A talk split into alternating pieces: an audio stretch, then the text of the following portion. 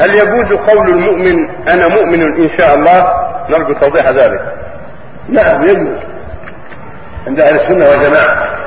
يقول أنا مؤمن إن شاء الله. وليس المراد الشك.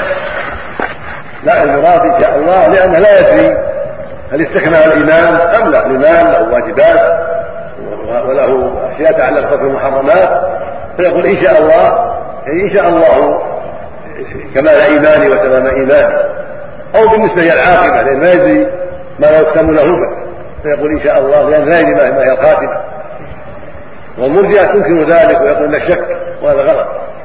واهل السنة والجماعة يحتجون في الايمان من دون شك. بل بالنظر إلى استكمال واجبات الإيمان وبالنظر إلى الخاتمة.